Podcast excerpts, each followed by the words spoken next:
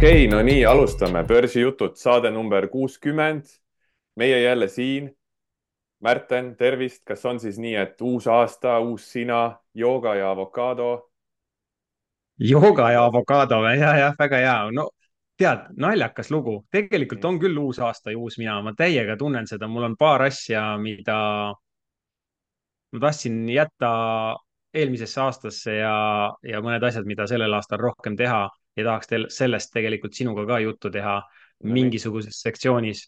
aga no kui sa nii küsisid, äkki siis äh,, äkki siis alustamegi ja ma ei küsi su käest mingisuguseid uusaasta lubadusi äh,. ma ei küsi su käest võib-olla mingeid eesmärke ka, mida sa omale tahad seada või, või oled seadnud, aga ma küsin seda, et äh, mis on see asi, mida sa sellel aastal tahad rohkem teha, kui sa tegid aastal kaks tuhat kakskümmend kolm? Mm. -hmm. kohe hommikul nii rasked küsimused, et äh, niikaua kuni ma mõtlen seda, ma ütlen äh, kuulajatele, vaatajatele, et me ei lepi omavahel enne saadet kokku, mida üksteiselt küsime, et seetõttu ma ei ole nagu vastusteks valmistunud, et ei ole kuskilt midagi maha lugeda, aga mida ma tahaksin sel aastal teha rohkem kui eelmisel aastal ma ei tea, ma eelmise aasta lõpus, kui ma reisisin, siis, äh, siis ma mingi hetk tundsin, et ma olen ikka suht hedonist selles mõttes, et äh, ärkan ja teen, mida tahan ja ei huvita, mis maailmas toimub ja naudin lihtsalt hetke ja, ja oma elu. ja tead, ma üleeile tegin just Vietnami viisa ära ja ootan nüüd vastust, et äh, mulle sellest pimedusest ja külmast aitab, et ma ei tea, ma ei tea öelda, kas ma nüüd see aasta rohkem reisin kui eelmine aasta, aga kindlasti rohkem kui üle-eelmine aasta. ehk siis äh, võiks nüüd Aasias ära käia kevadel paar kuud ja siis tegelikult sügisel tahaks jälle Miami'sse minna. et mingid okay. siuksed mõtted on, aga, aga turgude ja tööga seoses peaks lihtsalt jätkama oma hea protsessi, oma reeglite, oma süsteemiga, nii nagu see on paika pandud mitte kuidagi oma reegleid rikkuma ja vaatama, mida elu toob nagu tööalaselt selles osas, et äh, kui mul nüüd tekib mingeid uusi strateegilisi ideid, siis pigem see tuleb sellisest passiivsest õppimisest, äh, et järsku on mingi heureka, mingi ahaa-moment ja tekib mingi idee, mitte see, et ma kuskil tuhnin raamatutes ja otsin midagi mm. -hmm. aga okay aga räägi siis enda uuest aastast, äh, mis äh, mõtted, plaanid sul endal sellega seoses on, et mida teha paremini või teistmoodi kui eelmine aasta? Äh, no mida saab paremini teha ja teistmoodi, neid asju on palju, on ju, kui ma lihtsalt mõtlesin ühte esimest asja, mida ma tahaks sellel aastal rohkem teha ja juba nii-öelda teen ka, siis, siis see ei ole üldse seotud ei ettevõtluse ega tööga ega ma ei tea, investeerimisega ka vaid äh, ma tunnen, et ma tahaks äh, rohkem lugeda autobiograafiaid, mingit finantsajalugu, ilukirjandust, et äh, kuidagi liiga palju olen ma seda ekraaniaega omale hakanud äh, võtma ja, ja ikkagi jälgid neid uudiseid ühte ja teistpidi, et, et nüüd ma üritan jälle päevauudistest ennast ära lõigata, siis need kohalikud uudisportaalid meil siin kodumaal ja, ja mitte neid vaadata Äh, noh, üldse mitte, on ju, et, äh, et küll, küll need suured uudised jõuavad ühel või teisel moel ikkagi lõpuks vaja, vajadusel kohale. aga jah, et seda ekraaniaega kärpida ja lugeda sellist äh,, sihukest ajatumat sisu.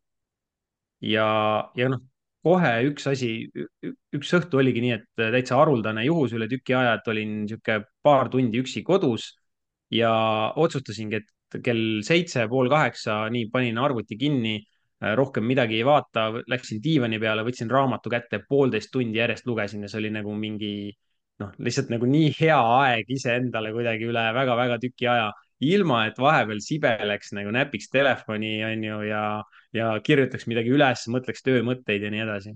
See on äh, ülihea mõte mul kohe sind kuulates äh, meenus tegelikult üks point veel enda jaoks, et mida ma nüüd siin aasta alguses korra mõtlesin, et noh, vaata ma vahel ikka, kui ma olen arvutis või toas või, või telefon on käes, ikka vaatan päeva sees, mida turud teevad, on ju, kuidas mingi asi toimib, aga aga ma nüüd selle aasta alguses just mõtlesin, et tegelikult peaks seda veel vähem tegema.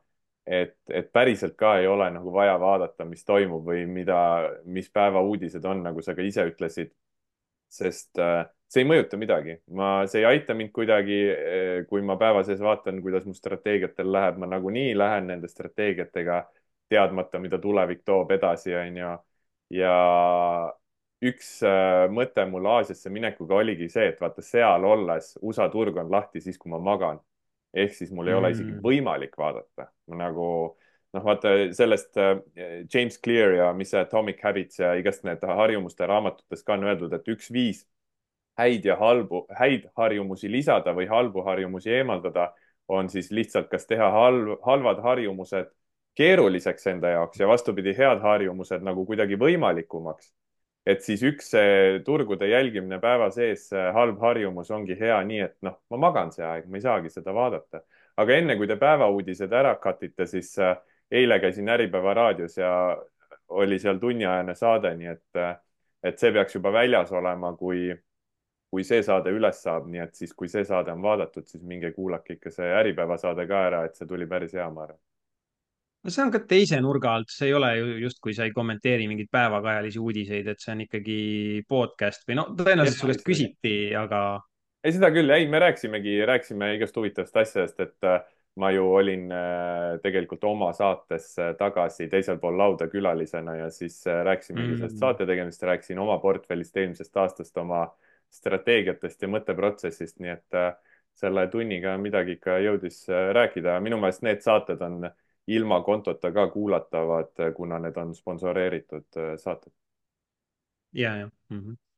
korraks tagasi tulles äh, nende raamatute juurde, siis äh, jagan kohe seda, seda mingit järeldust ja niisugust nagu kiiret õppetundi ka, mis ma sain või, või jah, niisugust tarkust, et, et hakkasin lugema, võtsin raamatu riiulist, mul on praegu ainult kaanet, sest raamat ise on, on juba seal elutoas laua peal aga tuhande üheksasaja seitsmenda aasta äh, kriisist siis ja paanikast ja, ja kujutad ette nagu kolmsada lehekülge raamatut, mis räägib sisuliselt ühest kalendriaastast. okei okay,, natukene seda eelmängu ja natukene seda lõppmängu, aga sisuliselt ühest kalendriaastast läbi erinevate inimeste, on ju, alates seal JP Morganist ja, ja teistest suurtest äh, vaaladest tollel ajal. ja, ja kui sa loed nagu sellist raamatut, siis siis ühtäkki ma sain aru, et ähm, mis oli minu eelmise aasta investeerimises kõige suurem viga, mille osas ma nagu mööda panin. ja, ja see tuli sellest, et ma olin kõigega kursis nagu nende uudistega, uudisvooga. ma teadsin, et Big Tech kärbib oma mingisuguseid äh, kulusid ja laseb töötajaid lahti, näiteks Meta oli siis äh, see asi, mis mul kohe meelde tuli. ja, ja ma teadsin seda aga ma ei pannud neid nagu otsi kokku, et see year of efficiency meta jaoks tegelikult tähendabki seda, et need kasumimarginaalid lendavad äh, ja kasuminumbrid lendavad no nii üles, kui, kui üldse saab ja, ja veel sellise huvitava näitena aastavahetuse peol sain kokku ühe tuttavaga, kes töötab Eesti meta filiaali jaoks, siis nimetame nii ja, ja siis ta rääkis, kuidas ta sai käsu eelmisel aastal äh, vist ligikaudu viiskümmend inimest on ju, et, et üheksakümmend protsenti töötajatest koondada. Ja, ja noh, ikka päris korralikult lõigati maha, on ju, et jah, sihuke huvitav tõdemus oli, et, et kui sa istud nendes päevastes uudistes, siis sa võid küll teha oma mingisuguseid analüüse, ükskõik kas fundamentaalanalüüsi või tehnilist analüüsi, aga, aga selle pika horisondi ja, ja kvartalist kvartalisse või kvartalist kvartalisse ilmuva mõju nagu kuidagi unustad ära või, või ma ei tea, ei pane enam tähele? No mina olen enda jaoks mõelnud seda, et äh, tänu sellele, et ma olen süstemaatiline ja algoritmiline, ma võin lubada endale meelelahutusena päevauudiste lugemist, sest see ei mõjuta mu tulemust. aga vaata, nii kui sa teed ikkagi sellist äh, discretionary või subjektiivset analüüsi, süvaanalüüsi mingite asjade kohta siis paratamatult see uudiste lugemine mõjutab su alateadvust, kas sa märkad seda või mitte. ta ikka mingil määral, kui sa kogu aeg sisestad endale mingit infot. Mina olen endale saanud aru, et äh, niikaua, kuni ma oma reeglitest kinni pean, niikaua ma võin seda tarbida meelelahutusena. aga ma tahtsin küsida, et äh, mis teil seal kodus toimub, et raamatukaaned on ühes toas ja raamat teises toas, et mis, mis mängud need on? ma ei tea, mul on harjumus vähemalt, et kui on need äh, pehmed paberkaaned, siis ma need võtan ümbert ära lugemise jaoks, et, et ma ei tea, mulle lihtsalt meeldib lugeda, kui seda paberit seal ei tolgenda ümber. Okei okay,, ja ma tahtsin seda ka küsida, et äh, sul ju, sa Metast rääkisid, aga sul äh, tegelikult äh, Meta oli ju portfellis eelmine aasta. ma mäletan, me mingis saates aasta keskel lihtsalt rääkisime sellest, et kuna sul oli vaja vist müüa mingeid aktsiaid, siis Meta oli üks vist, mis oli sul müügikandidaat. jah, et ta läkski, ma enam ka peast ei mäleta, kusagil seal kevadsuvel vast ta läks välja, onju, aga, aga noh, tegelikult olekski ju, olekski ju võinud siis mõelda, et, et seal see hoog on sees. noh, jälle teistpidi oleks-poleks onju, et tollel hetkel ma vaatasin, mul oli võimalus valida, et kas ma müün midagi, mis on näidanud tugevust ja müün jupikaupa, onju, või müün asju, mis on jätkuvalt augus ja võib-olla isegi kahjumis minu jaoks või noh, lihtsalt nagu väärtussuhtarvude mõttes ebamõistlikud müügid. ja, ja eks ma sealt proovisin siis oma otsuseid kuidagi teha, aga, aga jah, võib-olla ei saa öelda, et see minu investeerimise otsust väga nagu mõjutas, aga ma sisemiselt unustasin täiesti ära seda, selle, et, et mida see, see selline hoogne koondamine tegelikult ettevõtte finantsidele tähendab, sest need numbrid, mida on Amazon ja, ja Meta Platforms, see inimeste arv, mida mida seal nagu näidati koondamisnumbrites, no need olid ikkagi väga-väga suured numbrid, onju. Aga jah, kui ma mõtlen pikaajalises portfellis, ma ise ei taha üldse midagi tugevusse müüa, et minu meelest see Nvidia on nii hea näide, nüüd siin paar päeva tagasi hakkas jälle sealt külgsuunalisest vahemikust järgmist leg up'i tegema, onju, rallis jälle tegi breakout'i et äh, kui palju ma eelmise aasta keskel ja suvel juba nägin Twitteris ja kuulsin seda, et aa, Mm. Nvidia on ülemüüdud, skämm, kohe kukub, kohe crash ib, võtke kiiruga kasum ära. Ja vot see tuleb jälle see päevauudiste või, või noh, mitte ka uudiste, aga siis ütleme, ma ei mõtle nagu päevauudiste ja asjade all ainult mingeid ajalehti, aga ma mõtlen nagu üleüldse sotsiaalmeediat ja kõike, et ja, et, et see kõik mõjutab, vaata, ja teiste arvamused ja asjad, aga noh, ongi see, et äh, ma ei tea, ma Twitteris need, kes ütlesid, et Nvidia tuleb, äh, ma ei tea, neljasaja peal maha lõigata, ma ei ole isegi mingeid vabandusi näinud, et äh, et noh, saad aru, et see on nii igatepidi nii lamp. Kuule, aga teema edasi, et äh, kuna meil on uue aasta esimene saade, siis ma arvan, paratamatult vaatajad-kuulajad tahavad ikkagi, et me korraks võtaks teemaks ka eelmise aasta tulemused, aga ma küsiks sult nii, et kuidas sa hindad eelmise aasta portfelli riske ja volatiilsust? kas oli sul nagu riskidega seoses midagi, mida sa mõtlesid, et peaks ümber mängima või kuidas portfelli volatiilsusega nagu hakkama said ööune mõttes? sain väga hästi hakkama mm,. ja võimendus mul mingi pudin oli ühe ettevõtte alt iibe konto peal lahti, aga mul oli siis nii-öelda see back-up plaan, et kuidas ma ta kohe kinni panen vajadusel, kui turg peaks äh, minema seal neid, neid e, kaks tuhat kakskümmend kaks oktoobri põhjasid kuidagi testima, onju, et mul olid seal mingisugused äh, trailing stop'id paaril asjal peal ja no rahavoo mõttes ka oleks saanud raha vajadusel peale kanda äh,. et ma ei tunne, et ma ülemäära palju riski eelmine aasta võtsin või, või et see portfell oleks kuidagi volatiilne olnud lihtsalt nagu igal teisel investoril vist, et enamus tootlusest tuli koju novembris-detsembris on ju, et, et ma veel oma ettevõtte iibekontodega vaatasin, et oktoobri lõpu seisuga ma olin põhimõtteliselt enam-vähem nullis. ja siis äh, november-detsember tõid kogu selle aasta tootluse. ja miks ma niimoodi küsisin, ma just hommikul hommikukohvi kõrval mõtlesin, et äh, uus aasta, aasta saab läbi, kõik küsivad, mis oli tootlus, kuidas läks, palju Mm. raha teenisid ja see on nagu naljakas, et keegi ei küsi kunagi, et äh, mis riskiga sa seda tootlust said või, või, või kuidas sa oma nagu portfelli volatiilsust vaatad, sellepärast et, äh, et see tootluse küsimine ja võ üksteisega võrdlemine paneb nagu aina enam sellele tootlusnumbrile keskenduma ilma riske vaatamata. ja siis on vahel võib-olla see, et justkui nagu, et peaks võitma ju see, kellel on kõige kõrgem tootlus nii-öelda.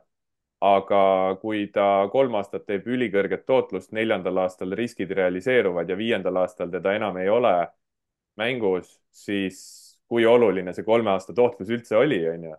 et sellepärast noh, minu vaata kvantitatiivses numbrite maailmas kõik vastused on numbrites. ma võin oma tootlust tõsta, see ei ole küsimus. küsimus on see, et mis riskiga ma seda tõstan, seda tootlust. et, et ma võtan rohkem võimendust, kontsentreeritumat riski, rohkem riski, agressiivsemalt breakout'e. et äh, see on minu jaoks see küsimus, et mis äh, riski eest ma saan oma tootlust ja, ja kuidas see portfelli volatiilsuses kajastub, et, et ma saaksin oma portfellist äh, elatuda? väga head mõtted, väga hea küsimus ka ja noh, kui ma siin veel midagi jagada või selgitada püüan, siis on ju, et ettevõtte portfellis mul on kuidagi lihtne, et see strateegia on nüüd paigas, sinna tuleb mingi rahavoog peale, seal ma tean, mida ma teen, mida ma ostan. Äh, eraisiku portfellis ma eelmisel aastal pigem üritasingi olla konservatiivne, et kogu aeg ette prognoosida vähemalt niisugune paar-kolm kuud, et kui palju mul see rahavajadus võiks olla ja pigem müüa ennetavalt, mitte et olla sellises olukorras, kus ma tean, et mul on vaja mingid ehitusarved maksta ja ma pean kohe midagi müüma. et aasta lõpus siin korraks tekkis selline hetk, kus ehitaja pani hästi lühikese maksetähtaja, mul oli oma viimane makse vaja teha ja siis noh, siis ma vaatasin, et okei okay,, et nüüd on täpselt see koht, mida ma mõnes mõttes kartsin, et võib juhtuda, kuigi meil oli kokku lepitud, et on ju, et et ma ei tea, maksetähtaeg tuleb seal paar nädalat, siis eh, järsku tuli ta paar päeva ja, ja õnneks oli turg seal, kus oli, aga, aga lisaks siis sellele, et mul oli neid puhvreid juba olemas ka, et et ma eelmisel aastal võtsin ikka eraisiku portfelliga pigem konservatiivselt, et et ei olnud seal võimendust ja kogu aeg oli sell list olemas ja olid mõned trailing stop'id ja, ja midagi sai maha müüdud siis jooksvalt ka kogu aeg. okei okay., sest äh, jah, me, ma vaatasin, me mõlemad võtsime oma blogis eelmise aastaga numbritega kokku, et äh, kellel on, ei ole vast mõtet neid postitusi siin äh, täiesti põhjalikult uuesti läbi lahata, et kes tahab, võib peale saate vaatamist äh, blogist lugeda, minul on see küll ingliskeelne, aga ma selles Äripäeva saates võtsin oma numbrid ka kokku. tead, ma tunnen, et, ähm, et ma enam nagu ei taha neid kokkuvõtteid kirjutada. osad on nüüd läinud seda teed, et äh, kirjutavad järjest põhjalikumaid äh, siukseid, kas kuu või aasta ülevand-, ülevaateid, aga mina tunnen, et nagu sa ise ütlesid ka, et see tootlusnumbris ei ole enam oluline, eriti praegu selles valguses, mis ma oma ettevõtete portfelliga teen ja kus see minu fookus on, sest äh, eraisiku portfell, noh, ta elab oma elu, kui on sealt vaja raha võtta, siis võtan, that's it, mul ei ole seal mõtet midagi mõõta, on ju, mingeid üübereesmärke panna. ettevõtte portfelliga on lood teised ja, aga seal ma ka ei saa, ma ei saa seda tootlust üle tähtsustada, sellepärast et, et ma panen sinna raha iga aasta juurde ja jätkuvalt täna ma panen justkui olulisi summasid võrreldes selle portfelli suurusega, mis tähendab, et minu jaoks palju-palju olulisem mõõdik tootlusest on see, et kui palju see portfell kasvas netos mm -hmm. eurodes mõõdetuna, on ju mm. -hmm. ja, ja selle mõõdiku järgi oli eelmine aasta nagu hästi hea aasta ja, ja, ja olen igati tänulik, et nii läks ma just tahtsin öelda, et ma sain sinu blogist lugedes ka aru, et meil mõlemal oli hea aasta, eelmine aasta võib rahule jääda, aga midagi, mida su blogis seal postituses lugesin ja tahtsin sult küsida, et äh, sa olid seal oma paremate positsioonide tootlused välja toonud, aga sa unustasid need tikerid lisada. et mis aktsiad ja, need ja, on? ja, ja, no tulge Miljoni klubisse, viies kuni üheksas veebruar on järgmine, järgmine või? näed, kõmm. kas ainult raha eest saab teada? ütle siis vähemalt see saja neljakümne protsendi tõus ja mis sul kõige parem? Ma ei tea peast äh, no ausalt öeldes. tead, tead, kõige ei, ei paremad päriselt ka ei tea. ma korraks just enne saadet käisin selle postituse, scroll isin läbi, sest ma mõtlesin, et sa niikuinii küsid siit midagi ja, ja siis ma vaatasin, et okei okay,, et ma olen need top öelnud, aga ma täpselt ei tea, missugune neist oli. mul on aimdus, et mis nendest võis olla, aga. ütle sektor siis, kui sa ei taha ettevõtet öelda. No ma arvan, et ma kahtlen siin tegelikult kolme erineva sektori vahel ka, aga ma arvan, ma ei tea peast tegelikult, ma arvan, et see võis olla Salesforce, aga aga vabalt võib olla ka üks, äh, üks finantssektori ettevõte tegelikult. okei okay,, aga sa tõid siin selle miljoni klubi välja, et äh, kuidas siis, sa oled nüüd äh, üle paari aastat, paar aastat oled seda run inud, et kuidas siis miljoni klubil tervikuna, kas te võtate ka aasta kokku ja kõik näitavad oma häid kõrgeid tulemusi, kuidas Märteni juhendamisel kõik oma miljoneid kokku kraabivad? no ma arvan, et päris nii ei ole, et meil oli esimese, esi, aasta esimene videokõne oli just siin teisel jaanuaril ja, ja see struktuur on tavaliselt nii, et, et ma siis jagan enda mingisugused mõtted ja tulemused ja tegemised ära ja siis me saame väikestes sellistes äh, gruppides, ma ei tea, neli kuni kuus inimest, äh, Zoom võimaldab seda, et inimesed saavad ise arutleda, mina annan need teemad ette ja, ja mina ei tea, mis seal, seal vestlustubades toimub, on ju, et äh, kes kui häid tulemusi näitas. et ma pärast chatis küsisin, kelles, kellel kuidas läks, et siis äh, ja, ja privaatne vestluskanal Discordis on meil ka olemas, et mul mingi aimdus on ja, ja nii, nii tootluse osas kui siis netovara kasvatamise osas, et ma pigem ise püüan inimesi utsita, utsitada jälgima seda netoportfelli kasvu ja, ja mitte nii väga rõhku panema sellele tootlusele. see on oluline, on ju, et sa pead nagu ikkagi vaatama ja võrdlema veidi võrdlusindeksitega ka, et kas see passiivne ETF-i strateegia on võib-olla mõistlikum, on ju, aga, aga pigem seda järjepidevust ja, ja, ja seda portfelli kasvu. nojah, aga see järjepidevuse portfelli kasvuga on see, et äh, üks äh, neiu hiljuti ütles, et ta oma mitmeaastase investeerimisteekonna jooksul on nüüd saanud tagasi nulli tänu portfelli juurde pandud rahale. ja me küll Miljoni klubist ei rääkinud, aga ma tean, et ta on Miljoni klubi liige, ilmselt vaatab seda videot ka.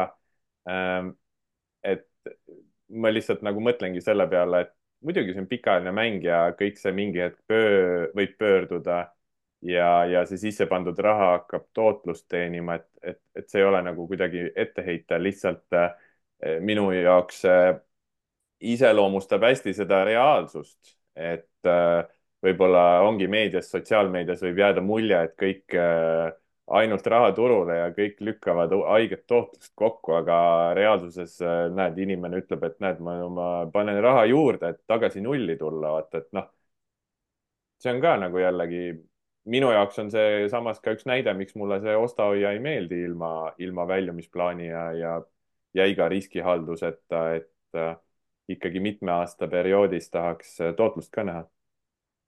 no eks see sõltub sellest alguspunktist, et äh, õige mitmed miljoni klubi liikmed on ka alustanud kaks tuhat kakskümmend üks, kaks tuhat kakskümmend kaks on ju. ja kui me mõtlemegi selle peale, et kui sa võtsid oma mitme aasta säästud ja alustasid nendel aastatel, panid nagu kõik turule, on ju, siis said esimese raksaka kohe sisse, siis ju kaob ära see julgus raha juurde panna alguses on ju, siis sa sõidad selle languse läbi ja, ja võib-olla ka kaks tuhat kakskümmend kaks oktoober, november, detsember ei julgenud, kaks tuhat kakskümmend kolm pool aastat ka veel vähemalt äh, mõtlesid, et mine sa tea, on ju, et kas on nüüd pulliturg või ei ole, kas on see langusfaas läbi ja oktoober ehmatas ju ka eelmine aasta veel päris korralikult mm,. väga palju oli meil seal diskussiooni selle üle, et äh, kas võtame uuesti need kaks tuhat kakskümmend kaks põhjad välja või mitte, on ju ja, ja see näitaski minu jaoks seda meelsust ka, et, et osadel oli jätkuvalt see skepsis ja hirm sees, et kas me ikkagi oleme tõusufaasis, kas me oleme pulliturul või ei ole. siin meenub mulle üks hea point, millest ma Äripäeva saates ka just rääkisin, aga topelt ei kärise, et äh, aasta lõpus mul oli üks selline ahaa-moment. Vaata, me rääkisime mingi saade siin nendest klikkidest ja, ja neid klikke tuleb kogu aeg pidevalt juurde.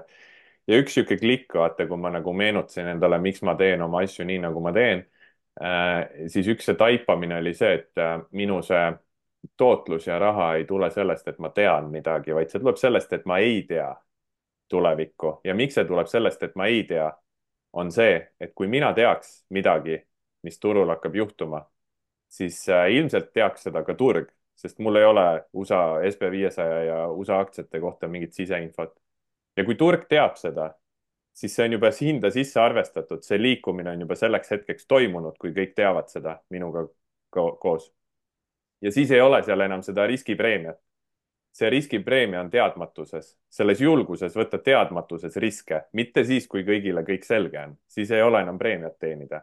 ja vaata, minu meelest ongi siin üks see, see päevauudistega päevauudistele keskendumine ja massiga kaasajooksmine, et, et nüüd, nüüd on selge, et turud tõusevad, nüüd on aeg osta, siis ei ole seal enam mingit preemiat teenida, sest et see hetk, kui sa oleks pidanud riski võtma, kui ta külgsuunas liikus mm ja arvati, et äkki hakkab kukkuma ja hirmus, kukkumishirmus ei ostnud, vaat sa jäid sellest preemiast ilma. Ja, ja minu jaoks oligi see suur klikk, et, et, et ma teen oma strateegiaid nii, nagu ma teen ja ma pean uusi strateegiaid mõtlema ka selle mõtteviisiga, et ma ei, et ma teenin sellepärast, et ma ei tea ja tänu sellele, et ma ei tea, ei tea ka turg ja tänu sellele on seal see riskipreemia, mida ma saan teenida, sest kõige parem, kaks väga head näidet eelmisest aastast. Nvidia tõusis aastaga kakssada protsenti. ega aasta tagasi Nvidiat ostes ma ei teadnud, et Nvidia tõuseb. Kui ma oleks seda teadnud, oleks turg teadnud, seda tõusu poleks olnud, sellepärast et see oleks sisse arvestatud juba hinda. ja teine asi see, kui ma siin eelmises saates oma seda optsioonitehingu kolmkümmend X-i rääkisin, ega ma ei teadnud, et turg viimase kahe tunniga poolteist protsenti kukub kui ma oleks seda teadnud, kõik oleks seda teadnud, siis seda kukkumist ei oleks tekkinud lihtsalt sellepärast, et turg juba positsioneerib, inimesed positsioneerivad ennast sellele kukkumisele ja siis seda lihtsalt äh, puht füüsikaseaduse järgi ei saa tekkida, sest kõik on juba valmis, kõik on juba oma otsused teinud selle põhjal. aga kuna keegi ei teadnud, et turg kukub kahe tunniga poolteist protsenti, tänu sellele oli seal see kolmkümmend X-i preemia. et äh, mm -hmm. midagi võib-olla, mida vaatajatel-kuulajatel nagu mõelda, et sa ei saa teha täna teadaoleva info pealt mingeid väga kasumlikke otsuseid. see lihtsalt ei toimi nii, sest turg on juba positsioneerinud ennast selleks äh, võimaluseks. või mis väga hea, et sa seda räägid, et sellepärast mulle see, ja ma olen täitsa nõus, lihtsalt see, see tehnika on siis erinev, kuidas me seda põhimõtet rakendame, et, et minu see väärtus suhtarvude ajaloolise keskmise juurde tagasipöördumise kontseptsioon ongi sisuliselt seesama, on ju, et, et sa ostad seda nõrkust siis, kui kõik on väga-väga must, aga võib-olla natukene vähem must, kui oli eelmisel nädalal, on ju. Et siis on need äh, kõige toredamad hetked ja, ja, ja sa ei näe nagu mingisugust reaalset käegakatsutavat põhjust, miks see äri peaks ümber pöörduma, miks see aktsia hind peaks just nüüd ümber pöörduma ja hakkama tõusma. aga, aga sa usaldad seda seda põhimõtet või protsessi, on ju, teed seal mingid back-up kontrollid igaks juhuks ära äh, jätkusuutlikkuse osas näiteks ettevõttele ja, ja nii on. No sellepärast äh, tähtsustataksegi seda protsessi, mitte lühiajalist tootlust või uudiseid või, või mingit infomüra. aga üks asi, mida ma tahtsin veel su selle blogipostituse kohta küsida, et äh, sul oli seal selline lause, et et äh, osta parasjagu soodsate või mõistlike väärtussuhtarvude tasemel kauplevaid suurepäraseid ettevõtteid ja jälgi ka sektori rotatsiooni mudelit. millist mudelit mm? -hmm. Mis... sektori rotatsiooni mudel ongi selline asi, sector rotation äh,. pikk lugu, aga sõltuvalt siis turufaasist äh, tavaliselt, äh, kui algab pulliturg, siis on näidatud, et teatud sektorid hakkavad liikuma kõige kiiremini a la tehnoloogia, on ju. nii, ja selleks, et turg jätkaks oma tõusu, me räägime nüüd siin aastate perspektiivist, mitte nädalad, kuud või kvartalid, siis tasapisi hakkab roteeruma see, see aktsiate mm, grupp siis, mis või, või, või need sektorid, mis veavad seda turu tõusu ja, ja mis toovad selle tõusu siis nii-öelda jah, mis seda tõusu veavad. Ja, ja alguses on ühed sektorid, siis on järgmised ja lõpuks, kui me jõuame välja sinna, et kõige paremat suhtelist tootlust näitavad esmatarbekaubad ja, ja kommunaalfirmad, siis tegelikult see tõusutsükkel on ennast tasapisi ammendamas, on ju, et, et siis on niisugune risk-off mode hakkab vaikselt tulema äh, investoritele ja kauplejatele sisse ehk äh, nähakse, et kõige parem on äh, nüüd positsioneerida ennast, ennekõike fondijuhid siis on ju, et kõige parem on ennast positsioneerida kaitsvatesse aktsiatesse ja pigem kaitsta suurte languste vastu, et, et justkui suur tootlus mingites teistes riskantsemates sektorites on tehtud. Mm.. kuule, aga sektoritest rääkides, et äh, ma tean, sul vähemalt dividendiportfellis äh, üsna oluline osa on varasemalt olnud energiasektoris, ma ei tea, kas endiselt on, aga energiasektor on nüüd poolteist aastat külgsuunas liikunud, kaks tuhat kakskümmend kolm oli põhimõtteliselt flat nullis, kas sa nüüd äh, ja sa oled rääkinud, et need toormetsüklid on väga pikad, et sa tuletad seda endale aeg-ajalt meelde, et kas äh, ootad nüüd selleks, sellel aastal või siit edasi sellest äh, külgsuunalisest konsolideerumisest järgmist jalga üles või mis mõtted sul energiasektoriga on? ma ei tea, ega ma ei oska ennustada, onju, et kui ma tahan mingit jutukest välja mõelda, siis ma võin ju rääkida seda, et, et siis, kui majanduslanguse hirm on läbi saamas, siis võiks mingi nafta hinnale tulla mingisugune piid, on ju, et, et a la nafta hind võiks stabiliseeruda või pöörduda tõusule või mida iganes, siis kui see nõudlus äh, kasvab või kui pakkumist äh, kärbitakse, no mida iganes, mis jutukesi võib siin välja mõelda. ma olen lihtsalt harjunud tegema seda, et et ma ostan seda sektorit siis, kui seal on suhteline nõrkus ja ostan seda siis, kui need ettevõtted tunduvad fundamentaalide järgi mõistlike väärtuskordajate juures. ja eelmise aasta suvel näiteks siis ma ostsingi mõned korrad energiasektorit juurde ka, paari üksikut ettevõtet. mingi hetk tundsin, et ma ei oska isegi osta konkreetset firmat välja valida, vaid võtsingi energiasektori ETF-i on ju, kus need kõik need major'id on sees, ma ei tea, palju seal on, nelikümmend või seitsekümmend ettevõtet või mm. -hmm. et jah, ma, ma nagu ei oska ennustada, et, et igati tagantjärele vaadates tundub loogiline, et kui kaks aastat oli energiasektor parima tootlusega sektor SB viiesajas või üldse globaalselt ka vaadatuna, et siis kaks tuhat kakskümmend kolm nad äh, settivad ja, ja korrigeeruvadki ajas siis nii-öelda on ju. ja aga mis see aasta toob või järgmine, ma ei tea. ma tean seda, et praegusel nafta hinna tasemel need ettevõtted, mis on minu portfellis need on rahavooliselt äh, ja kasumi mõttes äh, igati kasumlikud, et, et nende see, see break-even või, või see kulu, kulu, mm, kulude baasilt arvutatud äh, hind on siis madalam, kui on, kui on nafta toor, toornafta hind täna maailmaturul ehk nad on kenasti on ju rahavoo positiivsed ja kasumlikud. okei okay., no hästi. no kuule, korra ma tahtsin tegelikult tagasi tulla selle miljoni klubi juurde, et lihtsalt sellepärast, et inimestel mingit vale arusaama ei jääks või tekiks, et, äh, et, et sa siin küsisid, on ju, mis need tikkerid on ja siis ma ütlesin, et ma seal miljoni klubis jagan, et, et noh, kogu selle, selle investeerimisklubi mõte ei ole see, et, et ma olen mingi mm, mingi, mingi guru, kes valib neid aktsiaid ja siis jagab, on ju, kuidagi seal ja see on selle kõige-kõige asja kõige suurem väärtus, et, et see on lihtsalt üks komponent. Aga, aga teine asi on seal, mida aeg edasi, seda rohkem on näiteks selliseid asju, et et klubi liikmed küsivad, et kuulge, et praegu tundub, et on äkki Skandinaavia aktsiatel on mingi soodne koht on ju, et Rootsi kroon on nõrk, äkki vaataks sinna peale. Ja siis mina olen see, kes võtab nädal aega, käib selle listi läbi, on ju, teeb sealt mingi screening'u, võtab sealt viis kuni kümme ettevõtet, tutvustab neid klubi liikmetele nii sisu, mida ärid teevad, vaatame tehnilist pilti nii palju, kui oskame, vaatame valuatsiooni suhtarvu, arvusid on ju, et, et ma ütleks, et äh, sealt seda väärtust tuleb rohkem kui see, ähm, mis mina oma portfellis teen, sellepärast et igaühe riskitaluvus ja see, see ähm, investeerimisele lähenemine on ka väga erinev, on ju, et, et ma ise olen ka siin pikalt olin dividendiaktsiate usku, äh, siis paugutasin vahepeal krüptoga, on ju, tegin seal midagi kasvuaktsiatega ja, ja investorid on täpselt samasugu, samamoodi ju väga erinevad. ma näen, et meil on hästi palju klubi liikmeid, kes on väga tehnoloogia aktsiate usku ja kelle portfell koosnebki põhimõtteliselt NASDAQ sada ja siis, siis neid äh, suuri ettevõtteid ükshaaval ka veel võetud, on ju.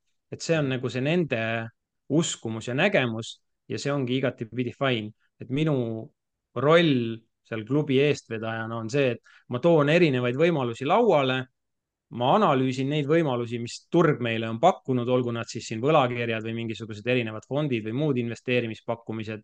ja siis ma hoian kogu seda teemat inimestel laua peal, sellepärast et öelge, mis te tahate, nagu minu jaoks tootluse roll on ülehinnatud, kõige olulisem on järjepidevus oma, oma portfelli raha juurde panemisel, kui sa oled seal selles äh, portfelli ülesehitamise faasis no see viimane lause nüüd põhimõtteliselt cancel das ära mind, et äh, kui su portfelli raha juurde ei pane, siis on nagu üldse mõttetu midagi teha. jah yeah,, mic drop, kõik, lõpetame ära, börsijutud on läbi kõik cancel datud. no, no sina minul... oled yeah., sa oled, sa oled teistsugune tegelane, on ju, et äh, sa oled väga mitmes mõttes teistsugune. mina kujutasin ette, et te regulaarselt saate Miljoni klubi liikmetega kokku kuskil pimedas keldriruumis, sa annad võimaluse kõigil äh, oma käsi sinu kristallkuuli peale panna ja siis samal ajal sa kõrval laod kaarte ja räägid, mis äh, järgmine aasta börsil juhtuma hakkab. kahjuks ei ole nii jah, et ma pigem olen loonud platvormi, kus inimesed saavad omavahel suhelda jagada, püüan aidata eesmärke panna, on ju, et kuidas, äh, kuidas oma seda investeerimistegevust sihipäraselt äh, üles ehitada. ja siis muuhulgas jagan seda, mida ma oma portfellis teen, on ju. aga noh, lõppkokkuvõttes ka, et, et sina juba tõenäoliselt tead, et ma olen selline investor, kes, kes on natuke sihuke margikoguja tüüpi, et ma ostan väga palju erinevaid aktsiaid ja, ja pigem ka siis väiksemate summade eest mis tähendab seda, et võib-olla mõnikord ma videokõnes jagangi, et näete, ma ostsin kümmet või kahteteist sellist erinevat aktsiat, on ju, et mm., et see ei ole see, et see on nüüd see järgmine rakett, millega me kahe kuuga teenime kõik, on ju, ma ei tea, mis iganes boonuseid ja raha, on ju. jah, aga võib-olla selle mic drop'i järgselt ma lihtsalt tahaks äh, oma selle arvamuse öelda, miks ma teen asju nii, nagu ma teen, on see, et minu jaoks tegelikult nagu seda ükskõik, kas osta-hoia portfell või osta-hoia indeksi tootlust iga-aastaselt on äh, kuidagi nagu mõttetu liiga tõsiselt võtta, sest ajaloos on hetki olnud ikkagi saja aasta jooksul nii paar-kolm korda, kus sa võid aastaga anda tagasi aastate, ma ei tea, kümne aasta tootluse ja sellepärast aastast aastasse mõelda, et oo, kõik tõuseb, kõik on hea. ma lihtsalt hoian, pensionil on elu ilus, ma panen raha kogu aeg juurde, siis see raha juurdepanek on tegelikult see püramiidistamine, see, mida mina trendikauplejana ei tee, et ma trendil paneks kogu aeg raha juurde. aga osta-hoia näiteks indeksinvestorid teevad seda, et nad panevad kogu aeg raha juurde trendi peal, kui kõik tõuseb. ehk siis see hetk, kui turg crash ib, kui ta crash ib, mis on tihti õnnega seotud lihtsalt olenevalt, mis kümnendil sa juhtusid elama ja investeerima, aga kui see sinu eluajal siis see crash tuleb äh,, siis ja, ja kümme aastat turg taastub, ei pruugi taastuda kohe nii nagu kaks tuhat kakskümmend. kui ta taastub kümme aastat, siis sa oled just kõige rohkem raha pannud sisse sellel kõige kehvem, kõige kehvemaks hetkeks, kui kõik crash ib. ehk siis sa nagu võimendusega paned allapoole, noh, nii-öelda mitte selle klassikalise mõttes võimendusega, et sul mm -hmm. laen oleks, aga sa oled nagu oma säästud sisse pannud, sa oled oma noore eluajal elu edasi lükanud, et sul on hiljem rohkem raha ja siis sa naudid, onju. mis võib ka, mis, mis enamus juhtudel ilmselt nii ongi, kui sul on järjepidevus, sa säästad, sa kogud, sa investeerid. aga ongi see, et nende sajandike sees on neid üksikuid juhtumeid, kus lihtsalt ebaõnnest kõik võib minna teistpidi. ja mina ei taha seda riski võtta ja sellepärast ma haldan aktiivselt oma portfelli. jah, no aga ütleme nii, et nagu paljud ei taha aktiivselt hallata ja selle jaoks on ka välja mõeldud ju ravim või, või lahendus ja see on varaklasside vaheline hajutamine, seesama kuuskümmend, nelikümmend portfell, millest palju räägitakse, kuuskümmend aktsiad, nelikümmend võlakirjad või siis see metoodika, et mida lähemale sa jõuad oma pensionieale, seda rohkem sa võtad äh, aktsiariski maha ja paned sinna nagu midagi mille hinnakõikumise ulatus ehk volatiilsus on väiksem, on ju, et, et selle jaoks on ju mingeid lahendusi, on olemas ka need äh, aktiivsed nagu multistrateegia fondid on ju, mis erinevate varaklasside vahel äh, liigutavad seda raha sinu eest. Ähm, noh, minu arvutused ja nii palju, kui ma seda statistikat ise olen teinud, näitavad seda, et äh, need, mis on tootestatud, need strateegiad kuna neil on suhteliselt kõrged haldustasud ja, ja see varaklasside vaheline otsuste tegemine on, on sihuke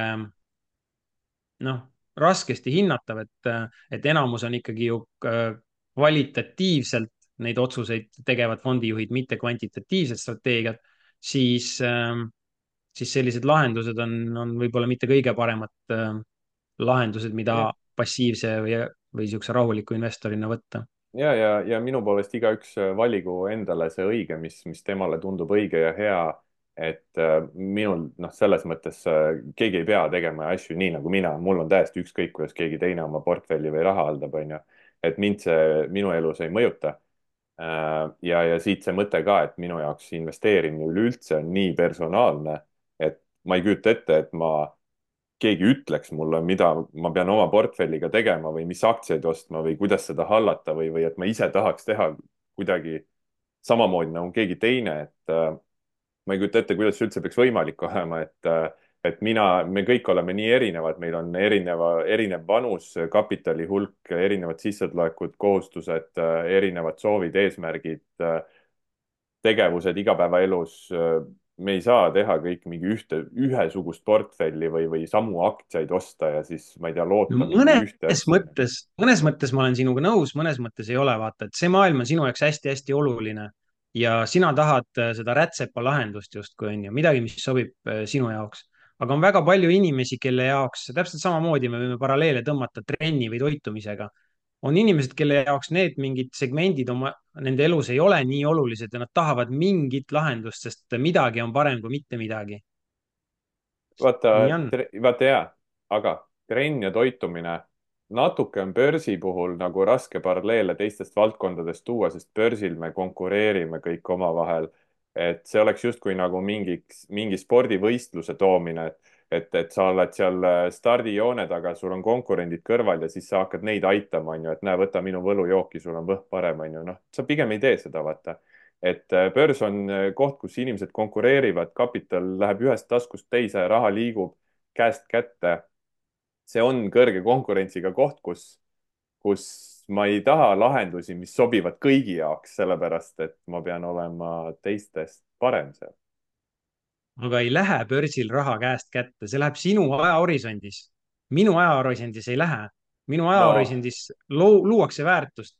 rahvastiku arv kasvab, majandus kasvab, produktiivsus kasvab, sealt tuleb lisandväärtus ja luuakse uut raha. inflatsioon annab oma panuse, on ju, sellesse, et nominaalsed eh, hinnad tõusevad. okei okay,, aga võtame siis selle hea näite, mis siin äh, viimase kolme aasta jooksul oli Eesti kohalikele investoritele väga hea näide Boom and Bustist Funderbeam. tõusis eufooria, kõik ostsid, kukkus tragöödia, kõik müüsid. raha liikus taskust taskusse selle kolme-nelja aastaga. olen rääkinud inimestega, kes müüsid Ampleri õigel ajal ära noh, nii-öelda jutumärkides õigel ajal tagasivaatavalt, et nad äh, teenisid sellega raha, mõned teised suurelt kaotasid. Need, kes kaotasid, nende raha liikus nende võitjate taskusse. ja sinna ei pandud kuidagi portaali nagu mingi, kuidagi nagu mingi raha juurde, et näed, nüüd võtke, jagage see ära. ei olnud mingi käest kinni lõkke ümber tantsimine, kõik saame rikkaks. ei, osad hävisid, osad said raha ja mina arvan, et see ka a la USA aktsiaturul kümne aasta pildis võib mängida samamoodi välja, et need, kes ikkagi kaks tuhat kaheksa hävisid ja müüsid seal põhjas ära, jah, nad müüsid seal põhjas, aga, aga seda sa ei tea oma eh, loomu poolest või oma rahavajaduse poolest kriisis. et sa võib-olla pead müüma, sa, sul ei ole valikut. ja seal ikkagi ka raha liikus võib-olla kümne aasta perspektiivis ühest taskust teise no võib-olla Funderbeami osas ma saan täitsa aru, mis sa mõtled ja et seal oli see mull äh,. See on lihtsalt niisugune väike, ju ja, väiksem turg ja, ja hea näide, kuidas võib-olla ja kuna enamik investoreid olid seal eestlased, siis võib-olla inimesed omavahel arutasid, on ju, et näe, kuule, see on hea ettevõte, sa osta ka seda, mina ostsin. aga vot ma sulle seda ei ütle, et ma nüüd ülehomme müün, kui sa oled ära ostnud mm.. ma sulle seda ei ütle. sina jääd hoidma, sa hävid mina võtsin oma raha välja sinu arvelt mm. osaliselt.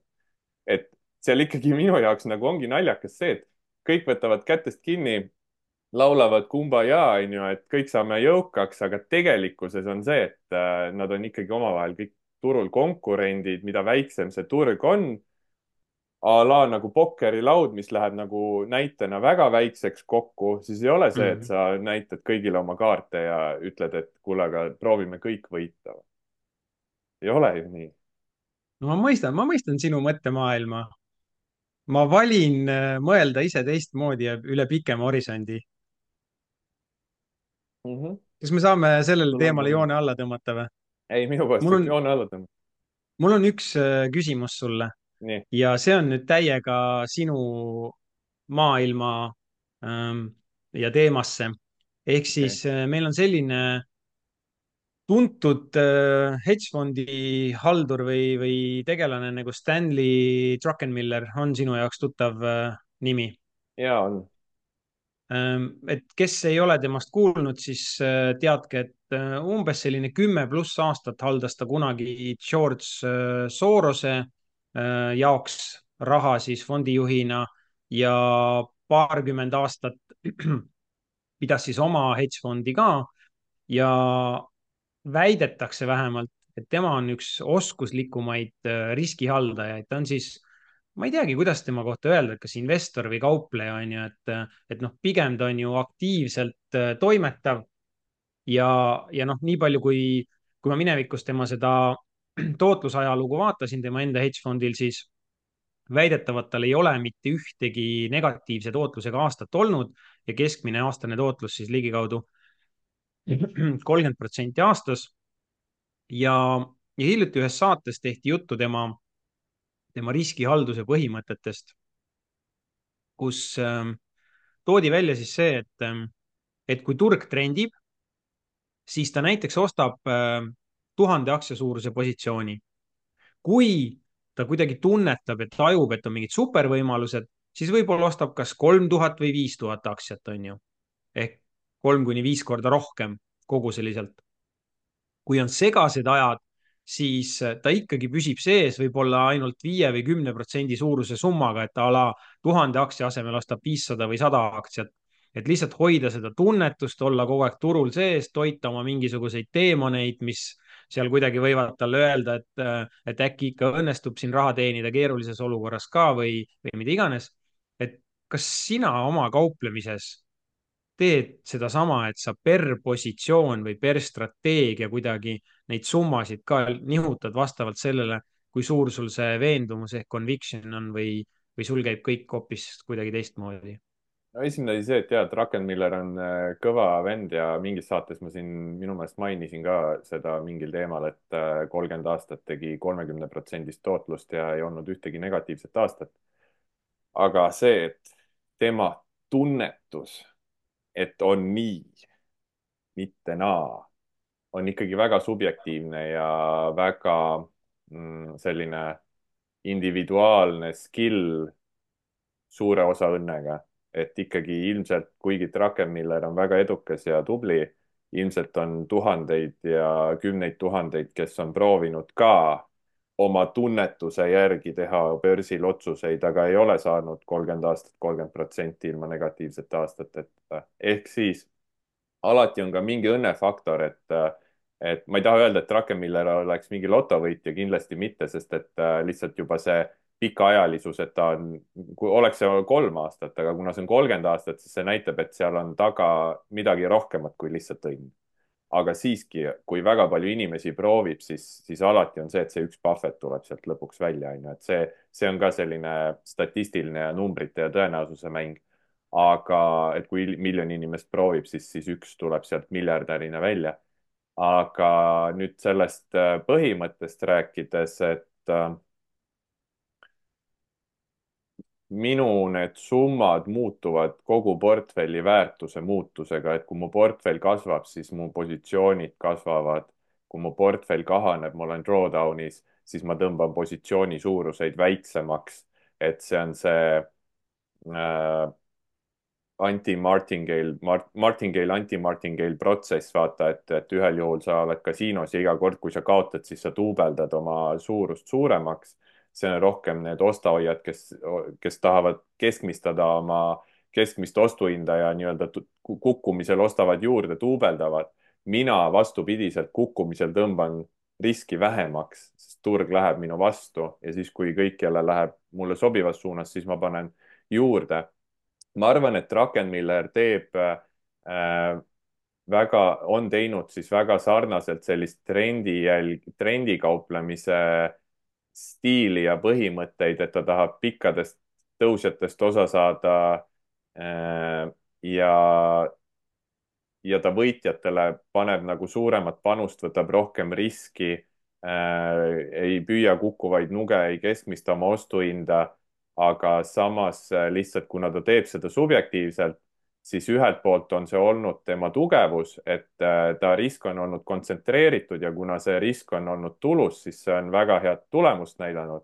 aga teisalt, kuna see on nii subjektiivne, siis seda lihtsalt äh, neid põhimõtteid kellelgi teisel replikeerida samamoodi on väga keeruline ilma reegliteta.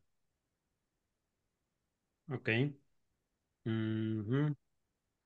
ma just mõtlen, et see ja ta ikkagi nagu noh, need numbrid, need näited, mis mina tõin, et need positsiooni suurused justkui muutuvad väga-väga palju ja, ja ma mõtlengi, et kas nagu kontseptuaalselt oled sa, oled sa, no ma olen kuulnud teisi kauplejaid ka, kes ütlevad, et okei okay,, et mul on see üks strateegia, ma võtan nagu trendi, kui trendib, siis ma olen sees, kui ei trendi, siis ma olen väljas, on ju. nüüd mm. versus äh, versus selline kaupleja, kes ütleb, et ma ei tea, kas ta täna trendib, aga ma olen natukesega sees vaata, see vahe tuleb ilmselt ka sellest, et Druckenmiller oma stiiliga võib-olla teeb äh, kolmkümmend suurt tehingut aastas. mina teen kolm tuhat väikest tehingut aastas. see vahe tuleb mm. sellest, et mul on rohkem strateegiaid, e, rohkem äh, erineva stiili ja faktoriga strateegiaid, mis üksteist kompenseerivad, et ma, mina, minu stiil lihtsalt on see, et ma ei pane liiga suurt rõhku või liiga, ei lähe liiga detailidesse iga üksiku strateegiaga et ma tahan need strateegiad eh, individuaalselt hoida hästi lihtsad, sest lihtsad strateegiad on usaldusväärsemad ja robustsemad, et nad ei lähe katki, kui turg natuke muutub. Eh, aga lihtsalt ma lisan neid lihtsaid strateegiaid kümme tükki, mis on erinevad ja üksteist kompenseerivad siis ma, siis minu see eelis on natuke teistsugune, ma ei lähe, ma ei mikromanageeri igat üksikut positsiooni üle, vaid äh, ma vaatan nagu sellist suurt potti tervikuna ja teen hästi palju väikseid tehinguid mm,. okei okay., selge. see on, see erinevus, ma mm. -hmm. ma olen rohkem kas... see Jim Simonsi, Jim Simonsi stiil. Ja ma just tahtsin küsida, et kas on mõni, et kui sa oled ka neid äh, turuvõlurite ehk market wizard'ite raamatuid lugenud ja üldse uurinud neid, äh, et kas on keegi, kes on jah, sinu stiilile sarnane, aga tõesti see kvanthärra, keda sa nimetasid. aga noh, Jim Simons on see, et tal on suur meeskond, äh, kaupleb äh, kõiki turge, toormeid, valuutasid, äh, mis iganes eksootilisemaid turge võib-olla, ega ma täpselt ei tea, aga nii ma olen aru saanud. ja, ja tema ikkagi võtab kogu data, ma olen aru saanud, nagu makro, mikro, makro, fundamentaalid, tehnilise ja, ja mm analüüsib seda sellisel võimsusel või on seda siis niimoodi ajalooliselt teinud et äh, noh, minul ei oleks sellist valmidust ega ressurssi teha ilmselt sellist äh, kvantitatiivset tööd nagu, nagu tema suur meeskond teeb mm. -hmm. No nii, kas tõmbame saatele ka joone alla või mida ilusat me saame öelda alanud aastaks meie vaatajatele ja kuulajatele? no mina saan öelda, et ma püüan lugeda rohkem ajalugu ja luuletusi, on ju, ja muud ilukirjandust. aga sina, Markus? Mõelge turgudest ja elust rohkem iseseisvalt, ärge püüa, püüdke kedagi kopeerida ega olla keegi teine. et äh, hallake oma portfelli täpselt nii, nagu endale õigem tundub ja äh, tehke nagu häid, keskenduge heale protsessile, ärge tehke äh, halbade harjumustega mingeid halbu otsuseid. Kuldsed sõnad. Et järgmine aasta kontrollime siis, et kas te tegite kõik nii, nagu Markus ütles see saade on meelelahutusliku sisuga. me ei soovita osta ega müüa ühtegi finantsvara. iga inimene on vastutav oma finantsotsuste eest. iga finantsotsus võib viia kapitali kaotuseni